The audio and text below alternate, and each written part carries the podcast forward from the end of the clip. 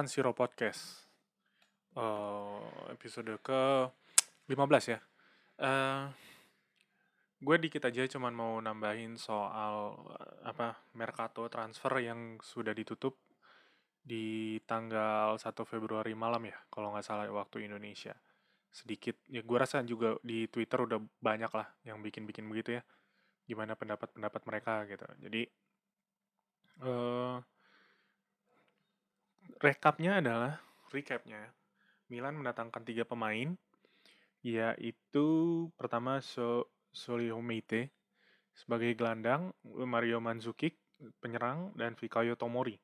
Meite dan Tomori didatangkan dengan pinjaman dengan opsi pembelian sementara Mario Mandzukic datang secara free transfer free agent. Sementara yang keluar adalah Andrea Conti di Parma, Matteo Musacchio ke Lazio, Lorenzo Colombo ke mana ya? Lupa gue ke mana lah. Lupa. Lalu ada Leo Leo Duarte, dia ke klub Turki gitu ya. Oke, review yang keluar dulu ya. Pertama Andrea Conti keluar eh, di menurut gue sih cukup wajar karena di posisi bek kanan sendiri sebenarnya yang natural main di posisi bek kanan dengan Andrea Conti tadinya ada empat orang kan. Calabria, Conti, Kalulu, dan Diogo Dalo. Walaupun Diogo Dalo didatangkan sebagai backupnya Theo Hernandez gitu. Cuma natural positionnya dia kan back kanan. Jadi bisa dimengerti juga kepergian Andrea Conti ini dengan pinjaman, kalau nggak salah. Pinjaman option to buy-nya 7 juta euro ya. Gue juga cuma rangkum-rangkum dari Twitter doang. Nah, uh, jadi menurut gue kepergian Conti ini juga uh, apa ya? Memang berharap yang terbaik untuk dia sih karena gue jujur tidak mengikuti dia waktu di Atalanta waktu Atalanta mulai naik yang ada dia dan Casey gue lebih lu gue lebih ngeliat Casey-nya gue lebih ngeliat Casey-nya sih dibandingkan Andrea Conti-nya. Jadi Andrea Conti-nya nggak terlalu gue perhatiin. Selama di Milan juga menurut gue penampilan dia biasa-biasa aja. Uh, cuman memang ketika sembuh dari cedera dia beberapa kali ngasih asis yang bagus. Salah satunya mungkin kalau kalau kita bisa recall lagi ya dia ngasih asis ke Kutrone waktu partai derby ya. Terus dia ngasih asis naruh bola ke kotak penalti antara kiper sama backnya Inter Milan kalau nggak salah. Terus Kutrone nyelip gitu. Pada saat itu gue berpikir, wah Kutrone ini punya naluri kayak Inzaghi lah kali ya bisa menempatkan posisi nyelip-nyelip. Nah tapi crossingnya juga bagus dan berapa kali dapet peluang main di musim-musim sebelumnya adalah satu dua passing yang menurut gue dia bagus gitu. Bahkan kalau nggak salah di musim lalu pun di paruh kedua musim dia masih pilihan utama untuk bek kanan tuh masih dia ya. Sebelum di akhir-akhir akhirnya Calabria masuk dan di musim ini Calabria tampil luar biasa uh, sehingga akhirnya dia nggak dapet tempat. Jadi gini dengan naik dengan performa Calabria yang meningkat drastis, lalu penampilan Kalulu yang setelah debutnya walaupun lebih sering main di back tengah juga bagus dan versatile ya kalau lu bisa di back tengah atau di back kanan ya memang tidak ada tempat untuk Andrea Conti lah di tim ini menurut gue. Matteo Musacchio juga sama. Deadwood kalau nggak salah dia pergi secara gratis ya. Free transfer kita nggak dapat biaya transfer tapi gaji jadi lebih lapang lah lebih berkurang. Nah terus uh, dia juga tersingkir dari pilihan back tengah. Maksudnya bayangin aja ya dia sudah datang dari tahun 2017 ya 2017 tapi ketika Simon Kjaer cedera atau Romagnoli cedera yang dipakai adalah Kalulu, seorang debutan dan bukan pemain yang uh, naturalnya ada di posisi back tengah. Gue kalau jadi dia juga lebih lebih memilih untuk cabut sih. Gitu. Nah, dengan perginya Andrea Conti dan Matteo Musacchio, otomatis yang tersisa tinggal Hakan Calhanoglu, Frank Kessie, dan Antonio Donnarumma di tim yang waktu itu sempat bikin heboh ya timnya Fasone dan Mirabelli. Mendatangkan 11 pemain baru gitu. Pada saat itu kita punya impian untuk Scudetto untuk awal-awal kepemimpinan Yong Hong Lee kan. 200 juta euro dana digelontorkan ternyata pemain-pemainnya mediocre dan duitnya juga dari duit hutangan gitu sampai akhirnya Yong Hong Lee sendiri terdepak. Lalu ada Lorenzo Colombo. Coba sebentar gue penasaran deh. Ke mana sih dia nih? Lorenzo Colombo googling dulu ya. Lorenzo Colombo, oh dipinjamkan ke Cremonese. Ya, Oke oke. Nah, ini juga sebuah tindakan yang tepat karena dia baru 18 tahun, kelahiran tahun 2002. Dia baru 18 tahun, tidak ya tidak mendapat tempat di awal-awal digadang-gadang sebagai Faiznya Ibra, terus di pertandingan pramusim juga bikin 1-2 gol bagus. Sempet uh, ada yang langsung nulis, "Oh, ini kaki kirinya seperti Bobo Fieri gitu." Tapi dikasih beberapa kali kesempatan main, masih kelihatan banget dia masih terlalu mentah lah ya apa uh, dia tidak awas pada ruangan di sekitarnya gitu rekan-rekan timnya di mana gitu keputusannya juga belum tepat ya untuk seorang pemain muda kan apalagi di tim yang punya pressure setinggi Milan gitu ya bahwa pressure harus balik ke Liga Champion dia memang belum memenuhi ekspektasi itu mungkin bakatnya ada itu mungkin potensinya ada tapi gue sendiri sih setuju kalau dia dipinjamkan terutama setelah kedatangan Mario Mandzukic ya. Mario Mandzukic udah pasti jadi pilihan utama sebagai penggantinya Ibra gitu dan Mandzukic tahu itu. Gitu semoga dia sukses di Cremonese karena uh, eh, gue sih pribadi lebih seneng kalau misalnya emang ada pemain lulusan akademi yang yang masuk ke tim gitu ya ke tim utama uh, seperti Kutrone waktu itu tapi ternyata Kutrone juga gagal bersinar. Dan terbukti ikut uh, sedikit ya sedikit melebar pembahasannya Kutrone sendiri kan posisinya terombang ambing di dijual ke Wolves setengah musim dipinjamkan ke Fiorentina. Di Fiorentina ternyata dia juga jadi cadangan terus di Januari kemarin kembali ke mana? Ke Wolves dikembalikan Fiorentina ke Wolves dan terakhir isu terakhir dia itu mau dipinjamkan ke Valencia. Coba ya jadi nggak dia nih Oh iya benar. Dipinjamkan ke Valencia gitu. Nah, kelihatan ya. Apa Kutrone ternyata tidak memenuhi ekspektasi gue pribadi ya. Padahal kita sempat mengandal apa? Padahal gue inget gue Milan sempat mengandalkan Kutrone deh di musim pertama dia naik ke tim utama yang waktu dia bikin dua gol di Bayern lawan Bayern Munchen di Piala apa namanya yang di Singapura itu Nah, habis itu yang terakhir ada Leo Duarte ke Istanbul. Ini lebih nggak jelas lagi pemain menurut gue. Didatangkan hanya karena dia, apa ya, dia Brazil, dia back, eh, banyak yang membicarakan dia seperti Thiago Silva lah. Gue sendiri juga tadinya, ah, banyak lah orang yang datang tiba-tiba tanpa punya nama dan ternyata punya kualitas seperti Thiago Silva tuh nggak banyak. Leo Duarte main, sempat berapa kali main, lalu cedera panjang, kehilangan tempatnya sama ketika sembuh dari cedera juga dikasih kesempatan bermain di tim uh, kurang meyakinkan. Dia tergeser dengan Simon Kjaer sebagai tandemnya Romagnoli dan lagi-lagi juga dia tergeser dengan Fikayo Tomo uh, apa si Pierre Kalulu datang.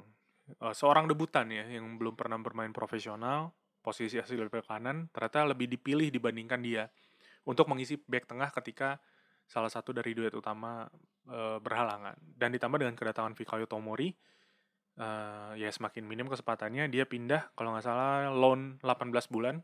A good choice buat dia, a good choice buat Milan. Gue transfer outnya gue suka sih, bener apa ngebuang pemain, bukan ngebuang ya, mengeluarkan pemain-pemain yang memang tidak memiliki kontribusi yang banyak ke tim.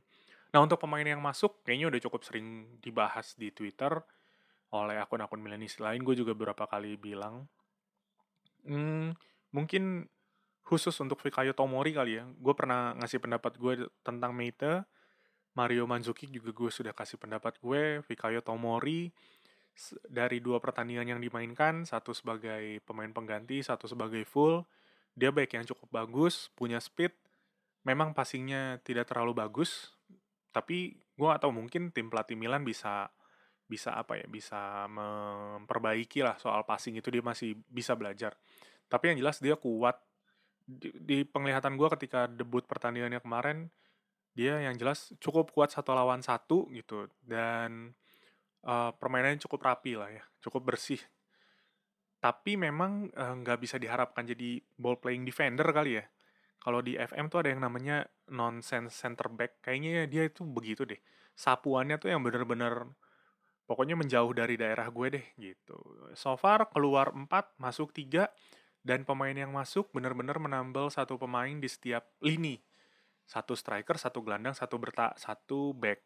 Uh, dan itu belum membicarakan si Mario Mandzukic yang selain bisa bermain sebagai striker juga bisa bermain sebagai sayap kiri.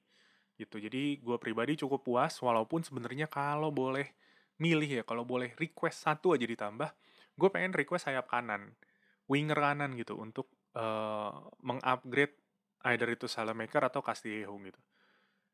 Misalnya kalau misalnya dapat winger kanan yang baik dan sorry to say Castillejo bisa dikeluarkan, gue akan sangat happy banget sih dengan Mercatonya. But whatever, gue cukup puas dengan pemain yang didapat. Uh, manajemen juga pasti lebih tahu uh, pemain mana yang memungkinkan untuk didatangkan dengan kondisi keuangan Milan saat ini dan juga direstui oleh tim pelatih. Dalam hal ini Stefano Pioli dan staffnya.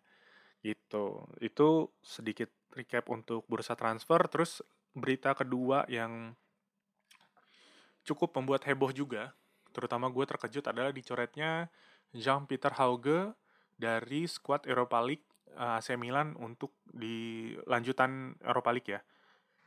Banyak yang menyayangkan terutama karena ternyata Hauge itu top skor tim di Liga Eropa ya. Correct me if I'm wrong. Gue juga baca-baca doang. Dia kasih inget gue kan udah bikin 3 gol, dan dia tampil bagus paling banyak di Europa League. Jadi banyak yang menyayangkan. Gue sendiri juga menyayangkan menyayangkan itu gitu karena apa?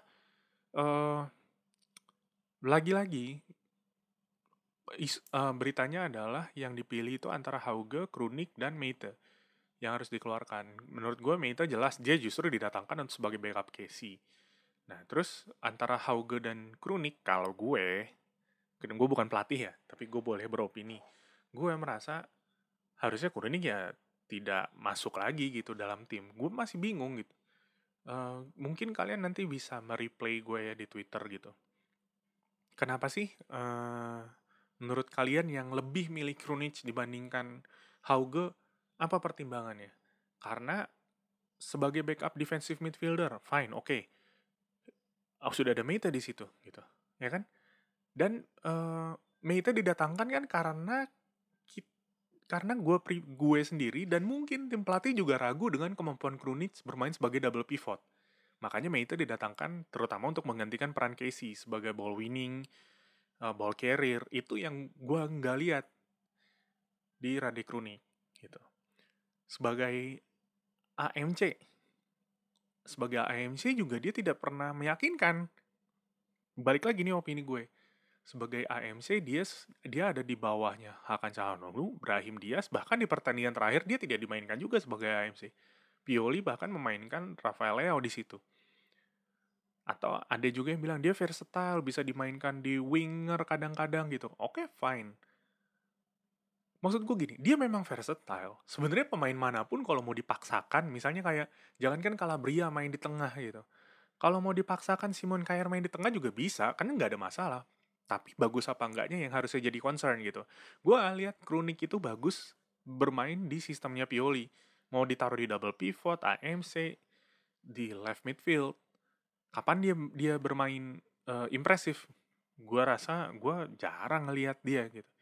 Nah, pro, apa berdasarkan itu saja menurut gue harus gue bukan harusnya ya berdasarkan itu menurut gue Krunik sih kalau dipilih antara Krunik atau Hauge gue lebih milih Hauge sebenarnya karena dia punya potensi di situ dia tampil bagus di Europa League gitu. Jadi tapi ya balik lagi sama kayak kalau kita main FM ada aturan home ground player kan kemarin ada yang bikin analisanya tuh. Uh, jadi karena si Conti yang mana merupakan pemain Italia home ground Italia keluar dan yang didatangkan adalah bukan pemain home ground artinya jatah home groundnya berkurang. Jadi yang bisa didaftarkan cuma 22 lah kalau nggak salah gue 22 pemain instead of 23. Kalau lo yang sering main FM pasti tahu lah ya, 4 pemain di training di klub, 8 pemain di training di di country, di negara dia itu gitu. Nah, ketika lo tidak bisa memenuhi, misalnya gini, yang didaftarkan 25. Simpelnya gini nih ya, yang didaftarkan itu 25, 8 itu di uh, di istilahnya di grooming di country-nya, pemain asli home ground country, 4 adalah home ground-nya klub. Kalau di salah satu aja di antara 4 dan 8 itu tidak terpenuhi, artinya pemain home ground klubnya cuma ada tiga nih. Artinya yang bisa didaftarkan cuma 24 pemain gitu. Atau pemain home ground country-nya cuma ada 7. Ya cuma bisa didaftarkan 24 pemain. Kalau misalnya pemain home ground home ground country-nya bener 8, ada 8, ya berarti lo baru bisa mendaftarkan 25 pemain gitu ya kira-kira. Mudah-mudahan lo ngerti sih. Jadi maksimalnya 25. Ini di FM ya, maksimalnya 25, tapi ada aturan home ground player itu. Ketika aturan home ground player itu tidak dipenuhi, berarti kuota kuota maksimal yang didaftarkan itu akan berkurang. Nah, di situ lemahnya lemahnya posisi Hauge gitu. Dia bukan home ground, dia juga bukan tapi gue nggak tahu di FM ada ada aturan under 21 sih. Gitu. Dia dan balik lagi Hauge itu bukan home ground. Nah, gue masih nggak ngerti kenapa yang dipilih adalah Radek Runik walaupun so-so aja penampilannya, nggak ada yang spesial buat gue, gitu. Tap, ada tapi ada juga yang uh, bilang bahwa uh, ya pos di sayap kiri sudah penuh, ada Leo, ada Rebic, ada Manzukic yang bisa main di situ. Oke, okay, fine. Gue sendiri, gue sendiri berpikir uh, bisa nggak sih Hauge ini dicoba di sayap kanan atau di AMF gitu ya, sekali-sekali deh nyoba sekali-kali. Walaupun kekuatan utama dia adalah uh, dari White ya, dari dari tepi lapangan, cut in masuk ke dalam, terus abis itu dia placing bola kayak itu kayak dia effortless banget sih melakukan itu. Cuman uh, ya untuk mengupgrade sayap kanan lah harusnya dia bisa jadi opsi gitu. But I don't know, balik lagi gue pribadi berasa uh, sedikit menyayangkan, tapi uh, Pioli knows best lah menurut gue ya. Mereka yang ngelihat pemain tiap hari, kita kan cuman, gue kan ngelihatnya cuman di mana, di Twitter, di di pertandingan, gue nggak bisa ngambil apa-apa gitu. Nah, uh, apalagi ya? Nah, itu satu lagi ya, semoga apa pun itu oh, ada yang bilang juga dia mungkin terlalu lelah bermain karena sebelumnya Liga Norwegia tidak libur gitu. Jadi dia dari Liga Norwegia yang padat datang ke Liga Italia yang uh, datangnya juga di akhir-akhir transfer dan sudah langsung bermain tiga hari sekali gitu. Jadi bisa jadi penurunan performa dia karena kelelahan. Dan dia memang lagi menurun performanya ketika dibikin ditaruh sebagai starter gitu gue sendiri sih punya pendapat lain soal itu mungkin uh, tadinya gue mau bikin ini singkat sih cuman karena gue udah terlanjur beringap ke sini ada di udah ada di kepala gue beberapa saat gue mau coba elaborasi aja jadi gini gue uh, pernah tinggal di Prancis selama satu tahun gitu gue uh, kuliah dan riset di situ untuk program magister gue gitu nah uh, seperti yang ke mungkin kalian sebagian tahu bahwa bahasa Prancis adalah bahasa yang cukup sulit karena apa yang tertulis tidak sama dengan apa yang dibaca. Gitu. Apa yang dibaca tidak sama dengan apa yang dilafalkan. Gitu. Jadi ada beberapa beberapa step lah untuk bahasa Prancis itu. Belum lagi pembagian jamak dan single atau misalnya barang ini feminim atau maskulin gitu. Nah, ketika barang ini feminim berarti uh, imbuhannya berbeda gitu gerunnya juga berbeda. Banyak lah, banyak banget strukturnya yang bikin pusing. Pada akhirnya gue kursus insentif bahasa Prancis waktu itu seinsentif-insentif, intensif, so insentif, intensif banget tiga bulan waktu itu. Jadi ada levelnya, level A, level B. A-nya dibagi dua, B-nya dibagi dua. A1, A2, B1, B2. Gue sampai A2, yang mana kalau kata uh, gurunya adalah di A2 adalah level kamu bisa bertahan hidup. Nah, jadi gue bisa ngomong bahasa Prancis di level lo pergi ke pasar, menunjukkan jalan, terus uh, membaca ketika lo di kereta baca tujuan mana gitu lah. Sehari-hari lah. Tapi kalau udah deep conversation yang cepat lo harus mengambil kelas in, intensif berikutnya gitu.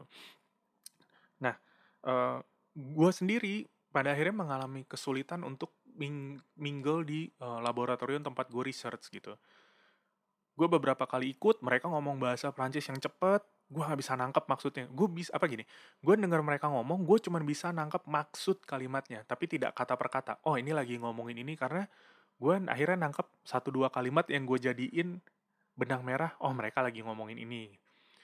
Tapi gue juga kesulitan untuk ngomong karena ngomong gue belum selancar itu gitu. Belum kelas conversation kali ya kalau bahasa Inggris dilihat tuh ya gitu. Nah gue rasa itu juga menjadi salah satu uh, tantangan terberat yang uh, si Hauge ya. Dia pindah ke tempat baru, uh, liga baru, budaya baru, kultur baru, dan bahasa yang baru. Gue nggak tahu sebagaimana dia mempelajari bahasa Italia. Cuman memang pindah ke tempat baru itu cukup berat. kadang kadang-kadang kan kita berasa dia kok nggak pernah dioper sih gitu bisa jadi dia nggak tahu cara meminta bola gitu. Jadi teman-temannya yang lain nggak tahu kalau dia tuh sedang meminta bola. Itu juga yang gue lakukan. Layaknya anak muda penggemar sepak bola ya kan sepak bola adalah bahasa yang universal. Cara gue membuat teman itu adalah waktu itu melalui sepak bola gue ngobrol Liga Champion pokoknya gue setiap uh, masuk hari Senin gitu gue ikut di obrolan sepak bola lah gitu. Uh, kebetulan kota tempat gue tinggal timnya nggak terlalu bagus tim papan tengah jadi gue jarang nonton gitu. Nah terus uh, sekali waktu diajak eh kita mau main futsal nih. Oke okay, fine yuk gue ikut main. Gue ikut main gue nggak tahu tuh mereka mereka minta bola gue nggak tahu caranya minta bola dari mereka kecuali cuman hey hey hey gitu over here gitu. Karena gue akhirnya pakai sesekali pakai bahasa Inggris gitu.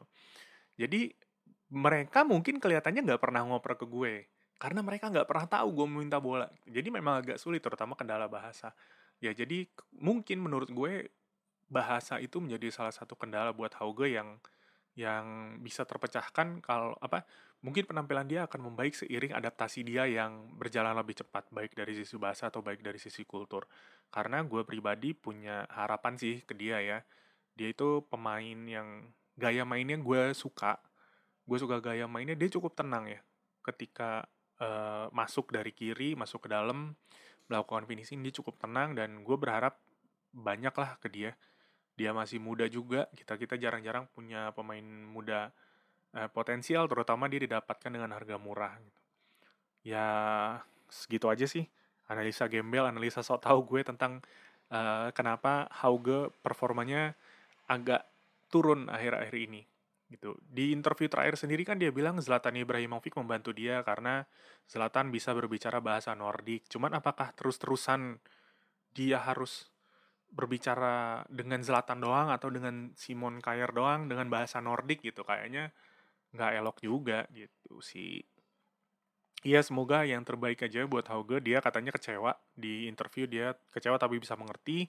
Ya dan semoga dengan tidak tampilnya dia di European European League gue ngeliatnya gini aja sih ngambil sisi positifnya mungkin Pioli memang taking European League uh, seserius itu pada akhirnya Hauga akan dapat kesempatan bermain di Liga Italia ketika melawan tim-tim papan bawah atau papan tengah.